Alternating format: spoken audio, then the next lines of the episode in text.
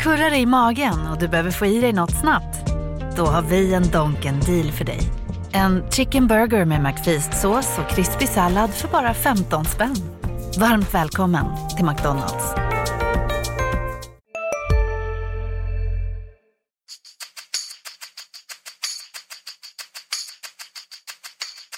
Det mycket, mycket snack om det här inhoppet. Det är svårt att förbereda sig. Va? Så att, det, är mycket känslor som spelar över. När jag kommer hem ska vi fixa allt det där.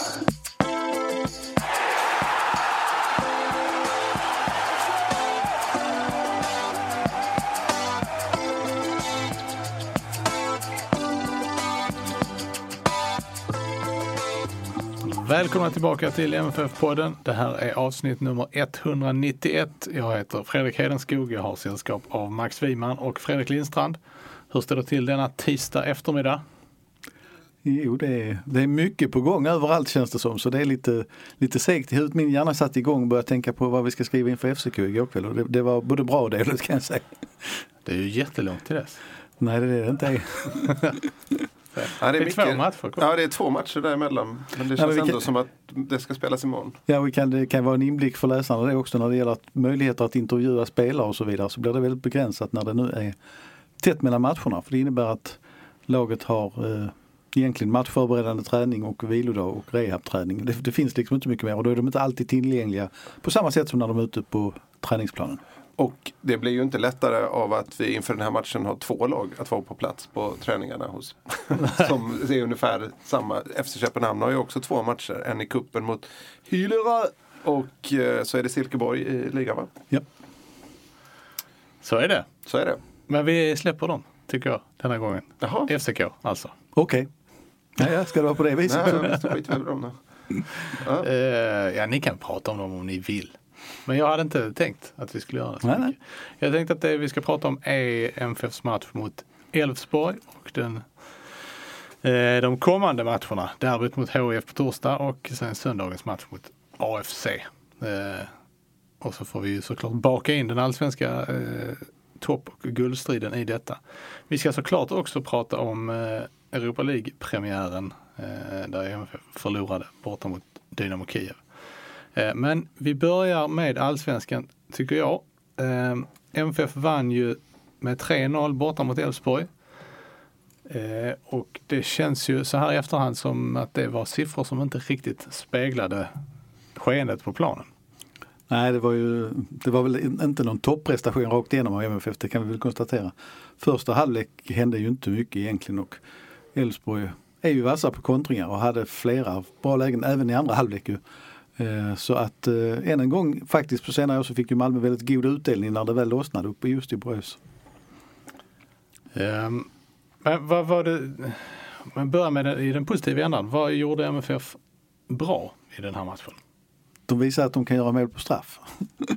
Nej men eh, till, till stora delar så... Väldigt bra straff var det Det faktiskt. är vä- väldigt bra straff var det.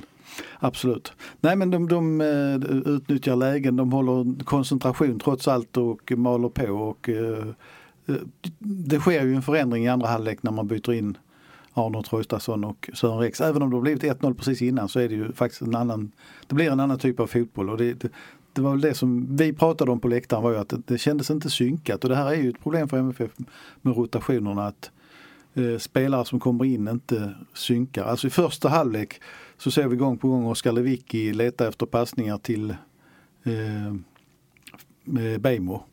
Men Bejmo var ju inte där Oskar förväntade sig att han skulle vara.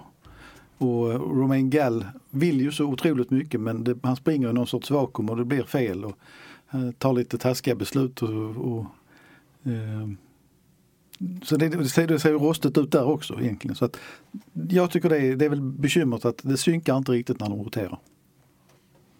Ja. Ja, jag, jag tycker um, det blir ofta så också nu när Marcus Rosenberg inte är med att det, det saknas en given uppspelspunkt. Alltså någon, något att, någon att förhålla sig till i anfallet som man kan lita på och vet var den är någonstans. Så att det, man tappar lite, lite trygghet där.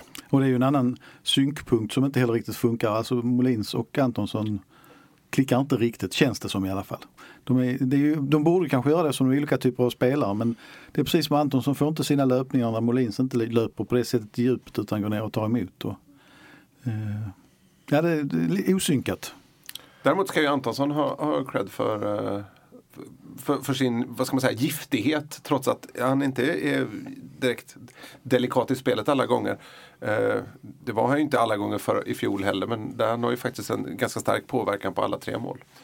Det är ju någonting för honom att ta med sig, framförallt eh, målet han gör då. Ja, du inledde ju att man skulle med det positiva, det blev ju inte riktigt så men, men Johan Dahlin återigen. Jag försökte. Ja, Johan Dahlin återigen fantastiskt bra i mål med det han hade att göra tycker jag.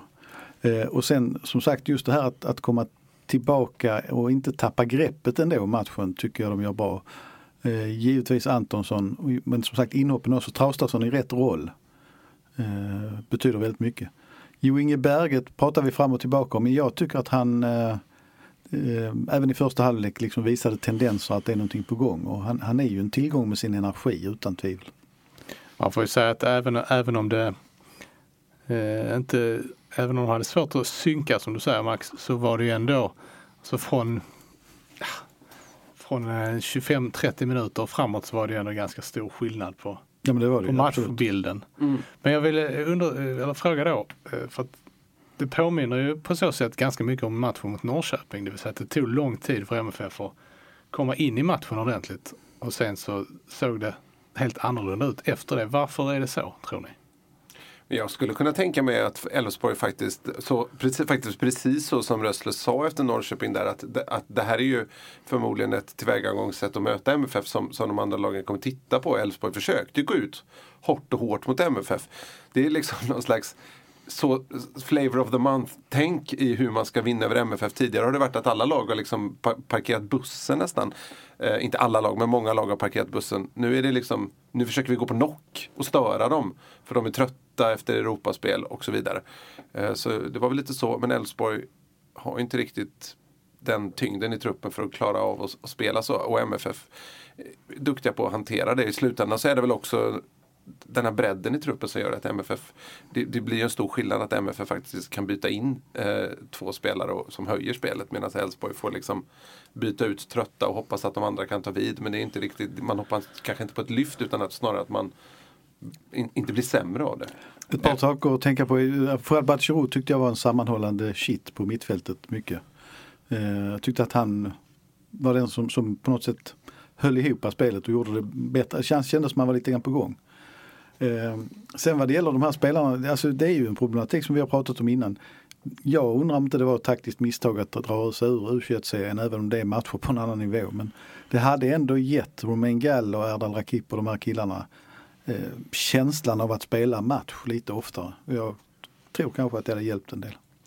Sen, ja, förlåt. Bara ett litet tillägg till vad det gäller laget. Och det, det var ju inte meningen att Bejmo skulle spela utan eh, Erik Larsson skulle ju spelat där och det var väl kanske också någonting som påverkade. Han var väl inte direkt, han hade inte massor av självförtroende med sig från Kiev.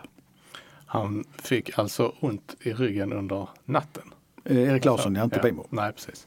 Lite gubbvarning på det, måste jag säga. ja, det kan man lugnt säga. Men det, det, någonstans om man ska liksom sammanfatta det ur ett mer bredare perspektiv så är det ju, hade, hade Djurgården tagit den här serien den här se segern mot Elfsborg så hade man ju sagt riktig sån eh, mesta seger. Men i och med att MFF jagar så blir det kanske lite lättare att man vill hitta bekymmer och känner att nej, det här kommer inte att hålla hela vägen. Men eh, det, det, när allt kom omkring så var det ju inte så mycket att diskutera egentligen. Det var ju egentligen det läget eh, eh Jonathan Levi hade en nick över i ett väldigt bra läge vid 1-0. Där mm. kändes det fortfarande som det, som det var lite där men sen, sen var det ju inget snack egentligen. Det kunde blivit fler mål på slutet. Ja. Men menar du Fredrik att den här eh, alltså motståndarpressen, är det en naturlig, liksom sker eh, tyngdförskjutningen i matchen, sker den naturligt då när motståndarna inte orkar pressa längre? Ja men lite så är det. Nu, nu, det blir nästan som att man brukar skriva det där, ja, typiskt konstgräslag att inte orka efter minut 70. Nu blev det ju så fast matchen spelades på konstgräs. så, så tesen håller väl inte riktigt i det här fallet då kanske. Men det, MFF är vältränat och kan som sagt byta in spelare som gör laget ännu bättre i andra halvlek. Det är ju ett, det är ett vapen som man har förvärvat genom Europaframgångar och eh, skicklig ja, pengar är väl framförallt det man har, har liksom lyckats få det. Och det, det, det, har man, det är svårt att mäta sig med det. Det är inte så många lag i serien som kan det. Djurgården är ju, är ju ett av dem som har en bra bänk. Liksom. Ska man vända på det och se det lite ur Elfsborgs synpunkt så sagt så gjorde de en hel del bra men det var, deras anfallsspel var alltså under all kritik. Jag vet, de slog bort så mycket bollar rakt ut i intet och fick publiken emot sig rätt tidigt. Eh, där för övrigt bortaklacken var större än hemmaklacken, det hör inte till vanligheterna. Eh, men så, alltså Elfsborg har ju stora problem med sitt spel och det tyckte jag man såg på tränare Thelin efteråt också. Han var lät å andra sidan ganska, han har låtit hyfsat nöjd efter båda matcherna mot MFF. Ja det var deras bästa match. Och så har de ändå 1-7 i målskillnad. Ja, sen finns ju problematiken bakom. Nu tycker jag inte han, han på något sätt orsakade mål. Den unge Rönning heter han va? Men hela den här historien med att peta sin lagkapten Kevin Sture Ellegård eh, känns ju inte som det är harmoniskt. Nej, och jag vet inte heller hur, eh, det känns ju inte som tränarens val. Nej det är nog eh, Nej, Andreassons. jag vet utan att veta vad, Det är nog sportchef Andreassons. vad som har hänt. Elfsborg har tagit ordentliga kliv i fel riktning de senaste säsongerna. Tidigare, om vi skruvar tillbaka klockan en sådär 6-7 år så var det ju Elfsborg, MFF och Helsingborg framförallt som var, och IFK Göteborg i viss mån då, som var de liksom som slogs där uppe. Men Elfsborg var nästan alltid med. Men det känns ju... Ja, Elfsborg är utbytta mot Häcken nu som är ja, lite samma lag. Elfsborg är det nya Örebro. Förutom att Örebro fortfarande är Örebro. Men sammanfaller detta med att Elfsborg eh, hämtade hem Magnus, Max Wimans favorit Magnus Haglund? Hans andra session. Ja, men Var det det, där det började? men det ligger någonting i den då. Alltså det där att favorit i repris, det är inte så bra ofta. Ja, det är bara Houghton i MFF som har... Ja, ja fast det blir ju inte heller något. Nej, jag vet. Men äh, ska man äh, tangera... Ståle Solbacken. Ja, Där har det funkat. Nej, du får inte prata om Nej, just det. Får inte prata. Eh, Två, två saker i marginalen utan att vara marginella. Eh, Det fanns ju rätt stora klagomål från MFF-supportrar att eh, visiteringen var otillbörlig. Eh, Och tydligtvis följde de direktiv som polisen sen har backat ifrån eller som klubbarna i alla fall har tagit bort igen. Eh, Det verkar så samstämmigt också så att de har inte hängt med på det i Borås. Nej, det kändes lite grann. De, de har ju lite sådana grejer för sig och de ska redovisa publiksiffror som är fantasier eftersom de räknar sålda biljetter. Eh. Och det som var riktigt alarmerande, det- jag vet inte om ni har sett en bild på Twitter vid ena hörnflaggan. Där inte ens en balkongmatta kan vara så dåligt sträckt som, som det här Men det har jag uppmärksammat tidigare faktiskt. Sett bilder på samma sak tidigare från Borås Arena. Men Borås Arena, på tal om insläppet där, det har varit tidigare deras säkerhetschef som, som senast ma- match eh, eh, försöka uttrycka mig på ett eh, sansat sätt här nu men han hade lite teorier om hur pyroteknik smugglades in på arenan. Så att de, de har mycket han, De tar säkerheten på stort, stort allvar. ja, Läktarsäkerheten, inte precis. säkerheten på plan. Nej, alltså det här, eh, för det var alltså inte bara plasten bredvid planen utan inne på planen vid hörnflaggan så var det ett par stora veck. Eh, Och jag förstår faktiskt inte hur man kan tillåta spel på det egentligen. Nej, det är ju en klassisk eh, eh, ja, skitplast liksom. Det är av den sämsta skolan. Eh, nej. Ove uttryckte det inte exakt så men han, eh, hans sätt att uttrycka sig talade ungefär i samma termer. Han kallade den bara megafast. Ja, och, men Anders Christiansen var ju tydlig. Han kallar ju för, i Simon-sändningen för pisseplan. Ja, just det. Och det är ju danska för skitplan. Ja. De, de använder ju piss istället för skit. Men, och Nu får apropå, vi apropå, apropå Christiansen så är det ju mycket som talar för att den, eh, den skada som han ådrog sig, även om den nu inte visar sig vara så våldsamt allvarlig, så känns det som att det var, hade inte hänt på en gräsmatta. Nej, det är bara ytterligare ett exempel. Jag, jag, jag förstår inte det. Jag blev lite läst eh, tårögd i morse när jag plötsligt ser att tydligen är det så att Stadsparksvallen i Jönköping ska renoveras. Och vad slår kommunen till med då? Ja. Nej, Jag vill inte höra. nej, jag så trött. Nej, jag, jag, jag förstår inte om man ska, alltså ändå måste vara lite, så- vad ska vi säga, att vi är seriösa i det här. Varför man inte sätter stopp för detta innan det. För inom fem år så kommer alla få byta ut det till hybridplaner ändå när de upptäcker vilken miljökatastrof det är och hur, hur dåligt det är för fotbollen här. Men det är ju kruxet med, med de offentligt ägda arenorna. Så kommunerna ser ju bara nyttjandegrad och ingenting annat. Och ofta räknar de dessutom fel. Titta på gamla IP här som man fick byta mycket tidigare. Eh, Så att nej usch. Det är irriterande. Så är det. Eh, några timmar innan MFF eh, spelade mot Elfsborg så eh, besegrade Hammarby AIK med 2-1. Mm.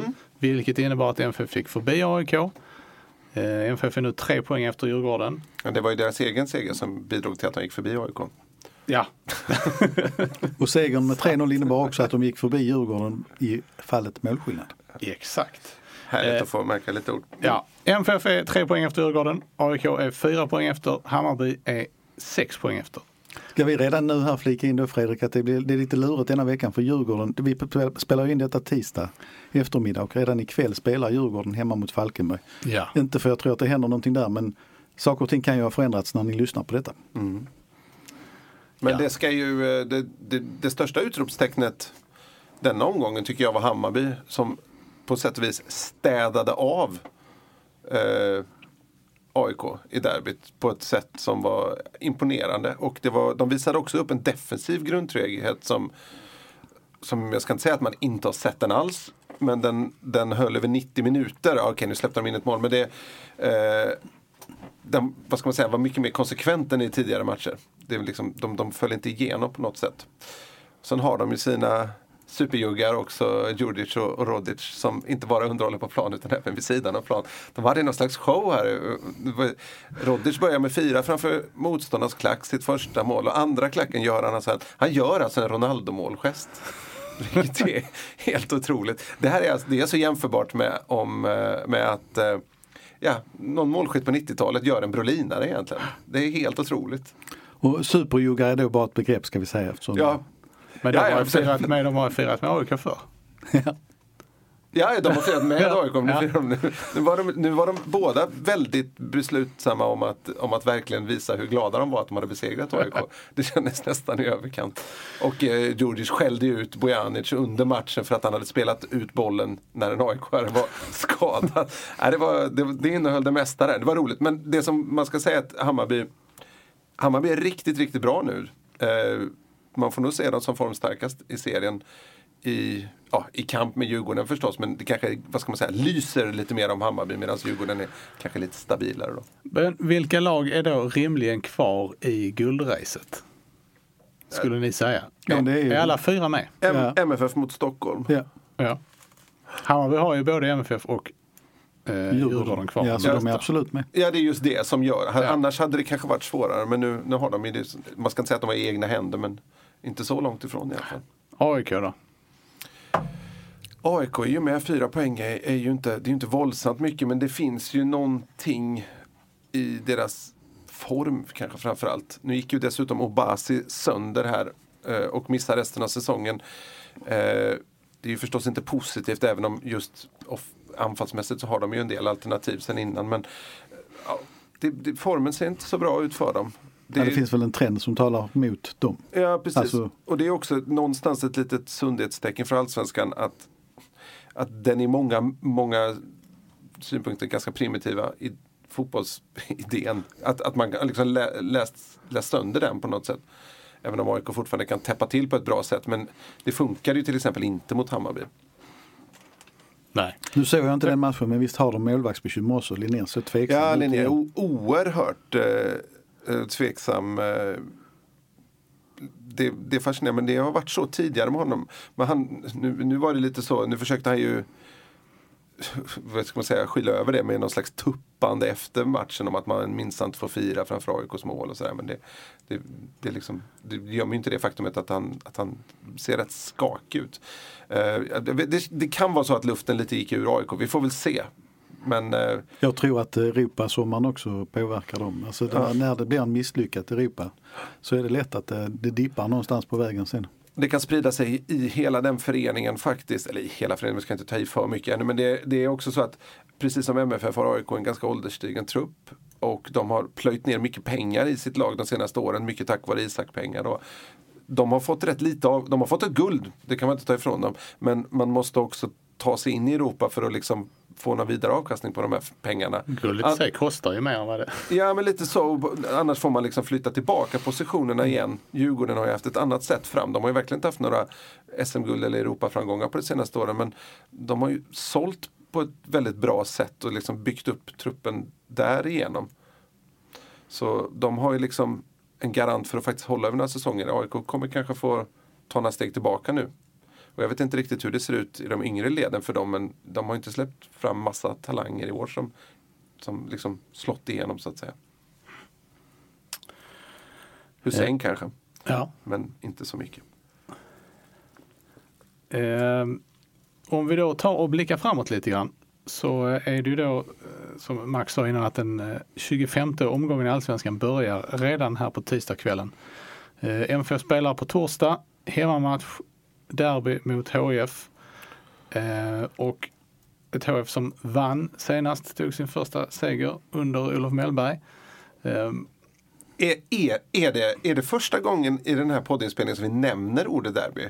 Alltså är det, det, kan, det måste Jag trodde du skulle säga nämner HIF. Ja men, ja, men nästan. Är det det svalaste derbyuppläggningen Ja, så kan det vara. sen vi startade den här Ja, podden? vi har ju bara nämnt Stockholmsderbyn innan. Ja, ja men faktiskt, det, ja, jag vet inte. Jag, Ja, vi, jag, hade, vi pratade rätt mycket inför bortaderbyt. Då hade vi till och med eh, Ja. Thomas Nilsson här. Men, men detta, precis. denna matchen känns... eh, ja, men det är som att det är liksom, nu är det ju, har ju sålts ganska bra med biljetter och så här, det blir väl utsålt antar Ja, jag. det är i princip utsålt Ja. jag förstår. Men det känns ändå inte som att det är någon vidare hets. Eller rättare liksom. sagt så här, supportrarna hetsar nu därför att eh, hela stadion är utsålt utom HIF-sektionen. Så man vill att de ska minska den och släppa in fler. Man Ja, ja. Nej men jag vet inte riktigt vad man ska säga men det, det känns som att det fanns en period där jag kunde komma ihåg varenda derby, fem alltså, enskilda matchsekvenser, fem, sex år tillbaka i tiden. Nu är det nästan, jag minns inte ens hur det slutade i våras. Det blev då lätt. Jag vet att Marcus. Rosenberg och firade framför HIF-klacken. Ja men precis, jag, jag minns, jag vet att de vann och så jag kan inte komma ihåg något speciellt från matchen. Vad var det som hände egentligen? Och jag kanske borde se om den. ja. Nej, det Ja, det var, det var ju kanske HFs bästa match under P.O. Jung. Eh, De skapar ju rätt så mycket, mycket lite. chanser. Ja. Eh, Nu säger de har ju fått Abukari skadad också. Vad heter han? Abukari? Abu Bakari. Abu Bakari, det fattades någonting, jag kände det. Ja. Eh, Stavelse hit eller dit. samtidigt så har ju de, de har ju fått lite självförtroende men samtidigt kommit upp på lite säkrare mark. Men jag, känslan är väl att, att eh, MFF med publik i ryggen där kommer att tuta och köra. Känns så. Ska MFF spela med bästa laget eller är det Absolut. redan dags att börja blicka mot FCK? Nu sa jag det fast vi inte skulle prata. Absolut bästa laget nu, finns ingenting att tveka om. Däremot det enda man kan säga är väl att om, om det är så att Anders Christiansen är ett gräns, gränsfall, och jag tror inte han kan spela, men om det skulle vara ett gränsfall så tycker jag inte att man ska spela honom. Nej, det fin- då, någonstans får det också visa sig det här med, med att MFF har så många centrala pjäser. Eh, eh, Gall borde väl rimligtvis kunna fylla den luckan om det behövs. Eller Rakip om han är fräsch. Ja, eller så blir det Lewicki, Batjerouros och Trö- Traustason. Precis, det kan bli så också. Det är nog det mest troliga skulle Ja. jag tro. Ja, det är väl rimligare faktiskt att de väljer att flytta upp honom. Ja. Jag tyckte att din tanke var roligare. Men Gall? Det kändes lite mer oväntat. Alltså, Eller Ja. Rakip. Ja, men jag tänkte man ville hålla kvar liksom en, en offensiv mot en offensiv så att Ja. säga. Ja, men man kan ju säga Rakip tror jag ni kan glömma. Dels har han alltså då varit skadad och han är Mm. inte igång ännu. Och jag vet inte när han spelar fotboll. Vi är specialister på det vi gör, precis som du. Därför försäkrar vi på Swedea bara småföretag, som ditt. För oss är små företag alltid större än stora och vår företagsförsäkring anpassar sig helt efter firmans förutsättningar. Gå in på swedea.se företag och jämför själv. Hej, Synoptik här. Hos oss får du hjälp med att ta hand om din ögonhälsa. Med vår synundersökning kan vi upptäcka både synförändringar och tecken på vanliga ögonsjukdomar. Boka tid på synoptik.se. match senast överhuvudtaget. Alltså där har du det här igen att, att du inte har någon matchning. Jag är förvånad att inte han har kommit in i ett par matcher tidigare men han har inte gjort. Och han har varit utanför truppen i tre senaste matcherna. Mm. Hur Har ni, eh, tror ni att det har, eller har ni liksom upplevt att det har hunnit bli någon effekt av, av Mellbergs inträde i HF? Ni som följer dem oerhört noga. Det har nog kanske blivit, äh, jag kan inte säga, att det är så svårt att känna av sådana stämningar. Man vill nästan prata med spelare för att, för att få uppleva det. Men det, det finns ju säkert en större framtidstro i, i, i klubben, det är jag ju övertygad om. Jag tyckte jag tittade en del på Djurgården HIF för det kändes som det var lite stabilare på något sätt. Det är lite tryggare någonstans. Man, man fick inte riktigt samma intryck mot AFC här. Jag, jag höll ett öga på AFC-matchen också. Jag ska inte säga att jag har sett den ingående men jag, jag hade skärmarna bredvid varandra. Så eh, det sprudlar ju inte direkt. Men det var ju framförallt AFC som stod för en ja, så smått bedrövlig insats. Och det, det är en match vi kan snegla åt i, i den här podden också. Men jag tror att AFC är svårt att bedöma därför, därför de kan ju göra väldigt bra prestationer i korta sekvenser och sen så kan det vara helt borta. Mm. Och de är ju också ett lag med Adi Nalic och ett lag utan Mm. Adi Nalic. Han spelade inte senast va? Nej, Vet vi varför? nej, det har jag faktiskt inte kollat.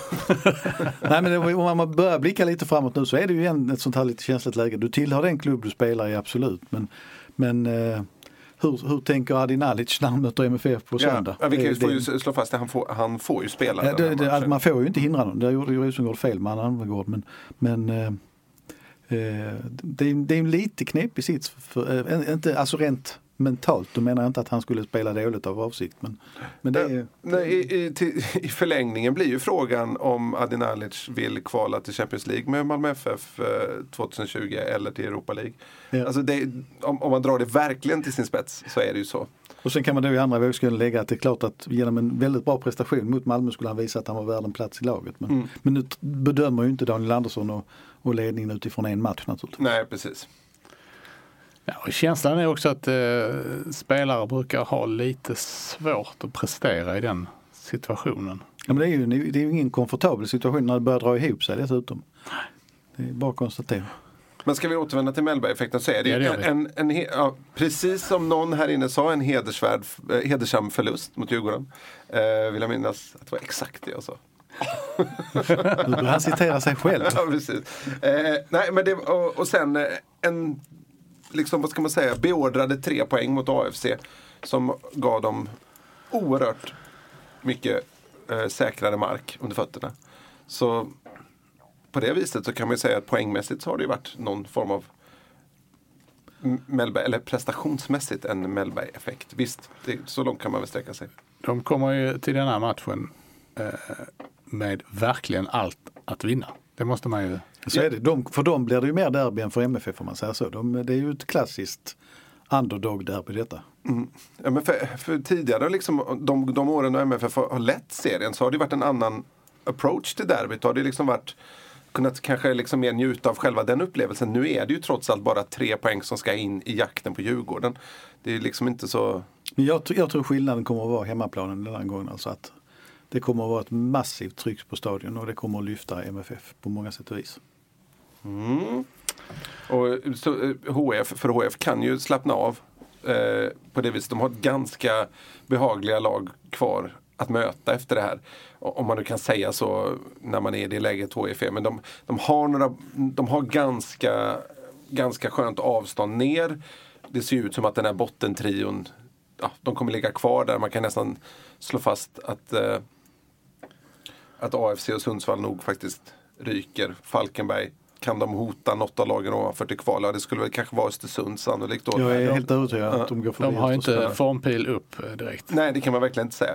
Eh, nu hade de väl lite otur här senast, eh, Östersund. Men, men så, i så här många matcher så kan man ju kan faktiskt inte peka på, på flyt och oflyt. Men det, det, det för HIF är det alltså, har ju kvar Sirius, Sundsvall, Elfsborg, Kalmar. Det är liksom inga, inga oöverkomliga motstånd. Nej. Eh, om vi då för argumentationens skull eh, utgår från att eh, Malmö FF vinner derbyt eh, och för samma argumentations skull utgår från att eh, Djurgården besegrar eh, Falkenberg etc. Så eh, har ju då MFF eh, nästa match på söndag borta mot AFC. Ja det har de i vilket fall som helst. Ja, det har de. Men med de eh, förutsättningar som jag just eh, eh redovisade, hur, hur ska MFF se på den matchen? Hur mycket ska man rotera? Räcker det att man bara vinner den matchen med ett eller två mål eller ska man liksom satsa fullt och tänka målskillnad? Hur mycket ska man balansera den matchen mot FCK? Matchen på torsdag. Jag tycker det finns två saker att tänka på. Alltså det är klart de måste balansera till viss del. Alltså det hänger lite grann på vad som händer mot HIF också i form av skador och annat. Men eh, det är trots allt så att sen har man en dags extra vila till eh, Köpenhamnsmatchen jämfört med hur man har det denna vecka nu när det är torsdag söndag. Eh, så att eh, man hade i och för sig samma förhållanden uppe i Borås gentemot HIF-matchen. Men jag tycker inte man ska vila för mycket men man måste vila några. man ska väl inte skicka ut gamle Rosenberg i onödan på konstgräset. Safari kan man nog, Safari kan man också låta kan- vila i den matchen också. Men jag, jag tycker liksom spelare som eh, för, förut, det, det, jag tycker snarare man ska gå, gå för målskillnad någonstans så MFF gör ju det bästa de kan göra är väl att gå på knock mot HIF och satsa allt framåt och kanske leda med liksom försöka få till en ganska behaglig ledning så att man kan plocka ut några pjäser i slutet av den matchen istället. Eh, men det här är ju liksom, det, är någon slags utopiskt eh, scenario som man nog ska akta sig för. I alla fall om man, om man, om man liksom sitter på en position där man tar ut ett, en startelva i Malmö FF. Behöver akta sig för. Det, det, är- det är ju fortfarande en match i taget som gäller. Så att säga. Det är det enda, det är det enda Det är bara vi som tar tre matcher i taget. Ja. Precis. Nej men det är, ja, bortsett från liksom sådana spelare som löper en om- omedelbar eller en överhängande skaderisk så tycker jag nog inte det ska roteras för mycket. Men tänker ni då, och tror ni att det blir ungefär samma lag som mot Elfsborg? Jag skulle I kunna den tänka mig Ja, det. kanske det. Ja.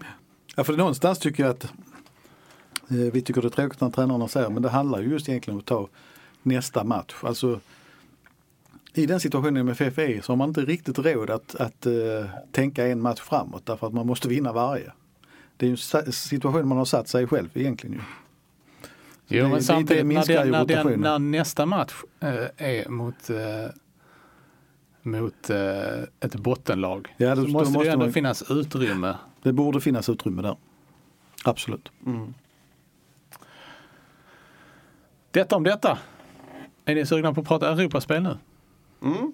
Då ska jag börja detta med att dra lite statistik. Ehm, eller för, allra först så, så ska vi kanske prata om hur matchen såg ut i Kiev. Uh, MFF förlorade ju som bekant med 1-0 efter ett sent, uh, det var väl 84 minuten tror jag som Kiev gjorde mål. Ja. Ehm, men det var ju efter en ganska, eller det var ju efter en lång period av hemmalagsdominans. Ehm, och MFF valde ju att eh, komma ut med eh, ett väldigt lågt försvarsspel och eh, ja, ett lågt lag överhuvudtaget i den här matchen. Ehm, var det något i den här insatsen tyckte ni som kändes igen från, från tidigare år eller från liknande tidigare matcher? Jag tänker på borta mot Schenk till exempel. Jag tycker det var lite stabilare denna gången än vad det var mot dem. Eh, men samtidigt lite utan riktigt egen tro. Eh, och jag skulle egentligen vilja dra lite paralleller till toppmatcherna mot Djurgården och AIK i Allsvenskan också där man inte heller riktigt vågade spela sitt spel. Sen tycker jag att i andra vågskålen då så har naturligtvis Rösler rätt när han pratar om att, att det, det, det är ett annat typ av motstånd. Eh, för vi ser ju vad som händer när MFF försökte kontra. Då small det ju rätt snabbt flera gånger på andra hållet. Men det berodde ju till, viss, till rätt stor del på att MFF hade så dåligt passningsspel och så dåligt bollmottagande att det kunde blivit kontringar mot Sundsvall också nästan. Om man ska kritisera en bit i spelet där så att säga. För jag tyckte det som inte klickade eller funkade alls det var ju passningsspelet. Eh, det var ju sin sak att stå rätt och hålla tätt men lite mer eget spel hade jag nog förväntat mig. Om vi då ska ta den här utlovade statistiken så har jag alltså tittat på eh, MFFs alla de mål som MFF har gjort i allsvenskan och Europaspelet i år. Det är 67 totalt. Den här statistiken täcker bara 65 mål för att eh, det var två mål från bortamatchen mot Ballymena som inte Som inte var med. Jo, eh, Romain Galls straff var med men, men det jag var ute efter var ju hur straffen uppstod och det har jag inte lyckats Det var ingen som Hitta. förstod det om jag minns rätt för det var, det, bara- domaren bara blåste straff helt plötsligt. Ja, så den det är inte med och sen så var det eh, andra 3 eller 4-0 målet, där är inte heller med. Men här är 65 mål med. Eh, 15 av de målen eh, är, inlägg från eh, kant eller inspel från kanten. 15 är också en ganska bred kategori som, som, som täcker instick i straffområdet i djupled, väggspel in i straffområdet eller eh, sologenombrott in i straffområdet. 11 mål kan man säga är en direkt följd av, eh, av en brytning och eh, hög press från mittplan och framåt. Eh, nio mål är skott utifrån eller retur på skott utifrån. Det är nästan bara Anders Christiansen. Mm. Eh, Lewicki har någon också. Har inte Rex något?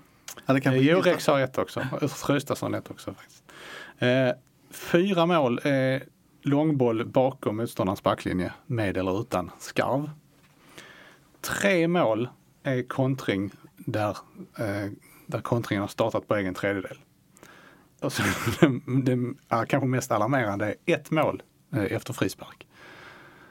Eh, och det är alltså Bengtssons eh, magmål mot eh, Bnei Jehuda. Det är den enda frisparken som de har. Men då är det hörnmål, hur har du räknat in dem? Hörnor, hoppade jag över hörnor? Gjorde Ja. jag? Ja, sju. Det blev sju till slut. Ja. Ja. Eh, Men det jag vill komma till då är att när, när MFF eh, uppenbarligen, nu spelar de ju sällan ett kontringsspel i allsvenskan för all del, men, men att man bara har gjort 3 av 67 mål på, på det som är regelrätta kontringar från långt ner i egen, eh, på e- egen planhalva. Är det då så klokt att gå ut och, och spela så lågt och falla så djupt som man gör, gör i Kiev? Det finns ju en match mot Besiktas som, som hävdar motsatsen då. Om man tittar på kontringsspelet just. Eh, men man får inte, det, är, det är alltid det som är balansen. Det är det som är det svåra när man bestämmer att man ska, eh, att man ska liksom ligga lågt. I att man hamnar på hälarna på ett sätt som gör att man aldrig liksom reser sig igen. Och att man tappar då det här momentumet. Som, som ju Rössler gillar att prata om själv. Men, det ligger lite, men är det någon skillnad i laget då nu jämfört med till exempel förra hösten? Ja, det är ju samma spelare. Men jag, jag, ja, det finns ju, jag tycker det finns en problematik och det kan man se oavsett om motståndet heter Kiev eller det heter Elfsborg. För även Elfsborg var ju mycket, mycket snabbare på att ställa om i kontringar än vad MFF. MFF hade ju också lite lägen. Men det går lite segt och långsamt och det är inte den självklara direktheten. Jag tycker, jag tycker inte riktigt tajmingen finns på, på anf- de djupledslöpande anfallarna riktigt. Jag måste, det måste sägas. Nej, men det, det finns nog lite att fundera på för MFF i den här eh, delen av spelet skulle jag vilja påstå. Ja. Va, ehm, Men mycket är det nog att man, det är som du säger där, man får ju faktiskt aldrig någon chans att öva på det här spelet. Det ju, finns ju inget, nästan inget lag som möter MFF på det sättet. nej. Men hur, hur skulle man, eh, tycker ni att det, det blir ju såklart väldigt efterklokt resonemang det här, men skulle man ha gripit sig an matchen på något annat sätt? Eller var det ändå rätt? Ehm, Men jag tycker liksom, det, det, ju, det handlar ju också det är till viss det är svårt, spelmodellen har jag svårt att vara överdrivet kritisk mot när man är bara några minuter från att faktiskt ta de här skrällpoängen. Den här, den här skrällpoängen borta mot Dynamo Kiev som ändå, ja, det är ett erfaret Europalag med allt vad det innebär. Eh, sen så kommer det ju, det handlar ju till syvende och sist om vad spelarna uträttar på plan. Det finns ju liksom tränarens påverkan på just det som sker mot Dynamo Kiev på planen. Att, att med bolltapp och, och svårigheter att hålla i den och sådär. Det, det kan ju inte Röstle lastas för till för stor procent. Det handlar ju också om att spelarna ska liksom fatta rätt beslut och det går mycket fortare. Man får ju också komma ihåg att av de Europamatcherna MFF spelat här fr- fram till Dynamo Kiev så har de ju inte varit i närheten av samma svårighetsgrad. Tidigare kvaläventyr så har de ju faktiskt ställts mot lag där de någonstans har växlat upp lite. Mot Bnei Yehuda var ju nästan så att de växlade ner. mot, mot vad som var i kvalomgången tidigare. Om man nu kan uttrycka sig så svepande. Men det, det var ju stadigt neråt från Dom Jalle, sen väl det bara Ja men lite så. Ja, men det, det, blev, det kanske blev en liksom chock eller vad man ska säga i, i, snarare- än att man har liksom successivt anpassat sig ut efter det. Men sen så får vi ju inte, får vi inte glömma av att genomgående under hela säsongen fram till egentligen segern mot IFK Norrköping så har ju Malmö FF haft stora problem mot topplagen i Allsvenskan också. Det man kan fundera kring lite, för det hörde man på förhandssnacket och en del frågor som kom eh, även på Kievs pressträff så att säga. Det, var, det är att de hade väldigt stor respekt för Malmö och såg nog faktiskt MFF som en, eller ser MFF som den största utmanaren i gruppen och inte FC Köpenhamn.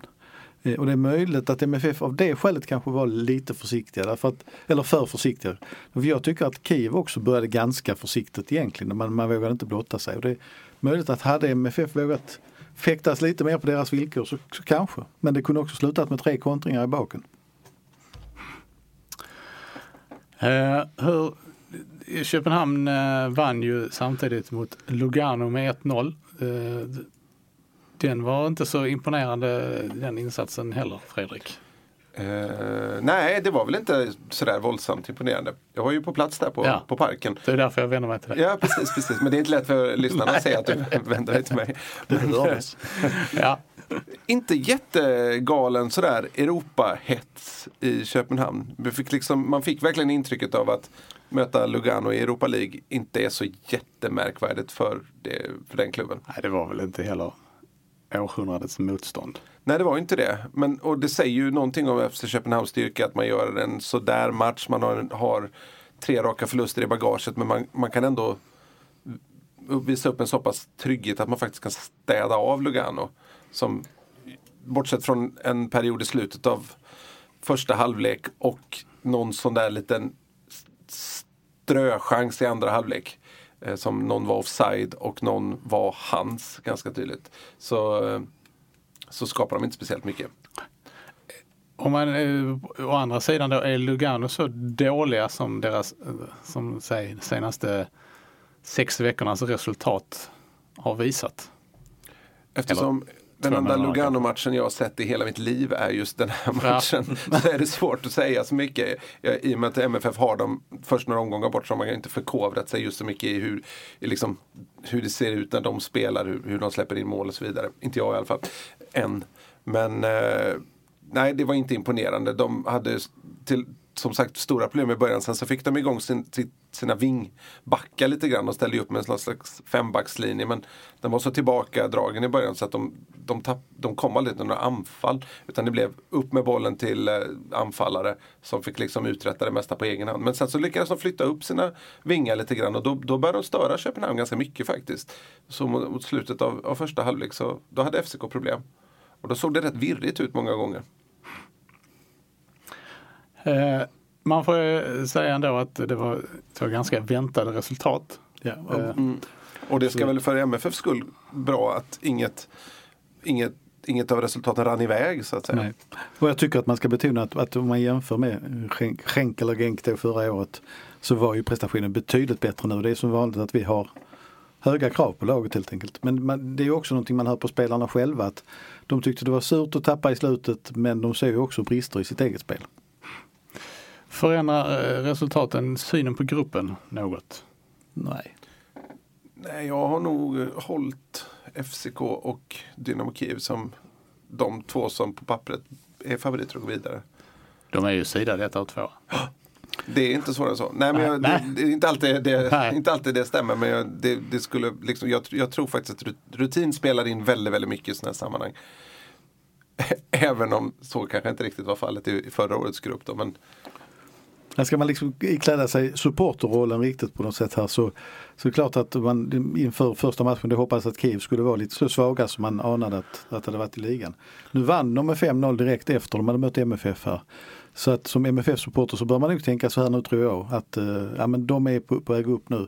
Nu bankar de eh, Lugano och sen FCK två gånger sen är de klara. Eh, så har Malmö ett gynnsamt läge när man möter Kiev nästa gång. Jag tror alltså någonstans att det är inte Kiev man ska sikta på utan det är FCK det handlar om. Mm. Eh, Ståle Solbacken har ju varit ganska tydlig med att det kommer avgöras mellan MFF och Köpenhamn sista omgången på Parken. Han var ju väldigt nöjd med att de eh, tog en seger här för det betyder ju att kan de norpa ytterligare tre poäng eh, någon gång fram till den sista gruppspelsmatchen så kommer de vara med. Då kommer de ha avgörandet i egna händer så att säga. Och det stämmer ju. Att, att inleda med en seger där, ju, det, ju, det måste de ju nästan göra. Liksom. Och eh, det är fascinerande när man tittar på FCKs radda i Europa att de nio senaste gruppspelen de har spelat så har de tagit poäng. Fyra av dem med seger. Och det, det är ju en garant för att man faktiskt kommer leva hela vägen in i slutomgången. MFF har fem Europagruppspel, samtliga inledda med förluster. Det är ju ett lite annat utgångsläge. Eh, apropå förra årets gruppspel så är det ju eh, Sarpsborg har det lite kämpigt i Norge har jag noterat. Detta Nej, har jag inte... de- De, de ligger väl långt, långt ner i... Kämpar, ja, de har pendlat mellan nedflyttningsplats och eh, kvalplats. Aj, aj. Det bevisar att eh, spelidén långa inkast inte, inte håller i, över längden. tid. Håller inte i längden. Det var ju, nu kommer jag faktiskt inte ens ihåg vem de mötte, det är lite dåligt. Men det var ju en riktig skräll i första omgången. Det var ju att Luxemburgska Dudelange tog den första segern i en, en, en helt galen match. De vann med 4-3 borta. Just det, kan det ha varit mot Apoel? Ja det var Apoel, det är rätt. Det är rätt. Ja. Mm. vi håller där eller ska vi ta ett stund? Nej men vi, jag tänkte vi kan väl spara FCK-kopplat Ja, och med ordentligt grepp på dem i nästa vecka och sådär. Men det, det, man kan inte säga att det sprudlar om dem. Det kan man verkligen inte göra. De har haft en, en ganska kämpig höst. Och planen är att om ingenting fortsätter inträffa så åker jag in och ser FC Köpenhamn Silkeborg på lördag.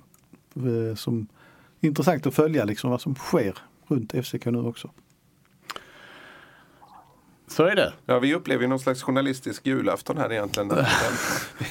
vi kan se dubbelt så mycket fotboll under de här veckorna. Det är ju faktiskt så. Det är väldigt spännande. Det är, ju, eh, ut, det är en utmaning för oss också får man ju säga som är väldigt rolig tycker jag. Absolut. Absolut. Ja, jag tänker att vi återkommer någon gång i början på nästa vecka. Jag tittar på er lite lätt frågande och hoppas att det Ja, det låter som en bra överensstämmer plan. med er verklighet. Det hänger på diverse olika träningsscheman och så vidare. Ja, absolut. Men man kan säga, om, om vi säger någon gång i början på nästa vecka så har vi inte sagt för mycket. Ja, eller på fredag.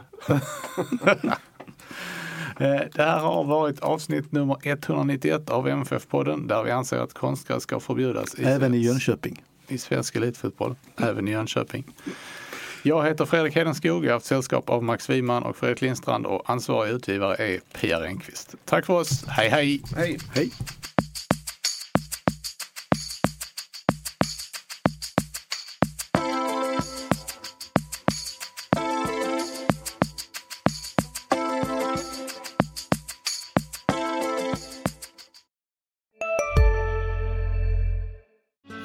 Susanne Axel här. När du gör som jag och listar dig på en av Krys vårdcentraler får du en fast läkarkontakt som kan din sjukdomshistoria. Du får träffa erfarna specialister, tillgång till lättakuten och så kan du chatta med vårdpersonalen. Så gör ditt viktigaste val idag, lista dig hos Kry. En nyhet. Nu kan du teckna livförsäkring hos Trygg-Hansa. Den ger dina nära ersättning som kan användas på det sätt som hjälper bäst. En försäkring för dig och till de som älskar dig. Läs mer och teckna på trygghansa.se. Trygg Hansa. Trygghet för livet.